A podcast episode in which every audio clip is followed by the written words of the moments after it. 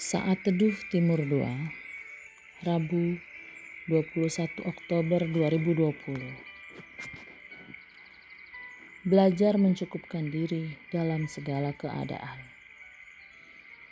Diambil dari Filipi 4 ayat 11 yang berkata Kukatakan ini bukanlah karena kekurangan sebab aku telah belajar mencukupkan diri dalam segala keadaan.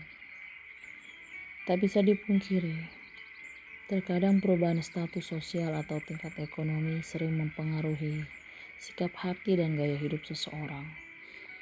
Ketika seseorang masih hidup dalam kesederhanaan, tidak banyak yang ia tuntut dalam kehidupannya. 1 Timotius 6 ayat 8 berkata, Asal ada makanan dan pakaian, cukuplah.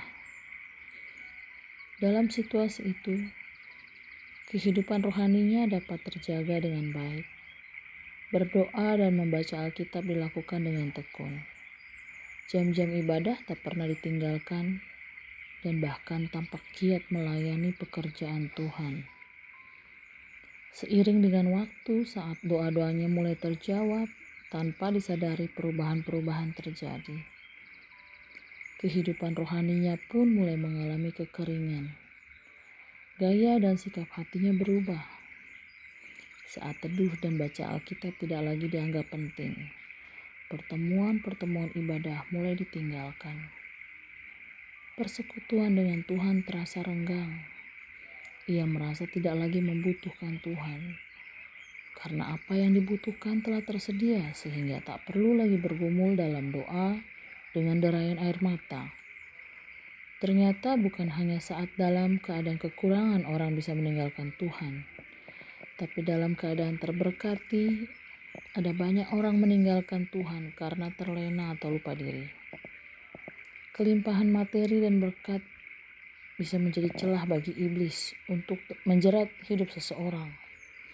Kemudian ia mencondongkan hatinya kepada harta dan tidak lagi tertuju kepada Tuhan. Firman Tuhan berkata, supaya kalau aku kenyang, aku tidak menyangkalmu dan berkata, siapa Tuhan itu? Atau kalau aku miskin, aku mencuri dan mencemarkan nama Allahku. Amsal 30 ayat 9 Milikilah sikap hati yang benar-benar tertuju kepada Tuhan dan jangan pernah berpaling ke ilah yang lain. Tuhan melihat hati setiap orang yang berharap kepadanya. 1 Samuel 16 ayat 7 ada banyak godaan di depan kita. Namun sikap hati yang mau taat dan setia yang mencerminkan sikap kita di hadapan banyak orang pasti menjadi kesukaan buat Tuhan. Bahwa hidup kita bertekun dalam perkara-perkara rohani yang sudah Tuhan sediakan. 1 Timotius 6 ayat 7 berkata, Sebab kita tidak membawa sesuatu apa ke dalam dunia, dan kita pun tidak dapat membawa apa-apa keluar. Selamat beraktivitas. Tuhan Yesus memberkati.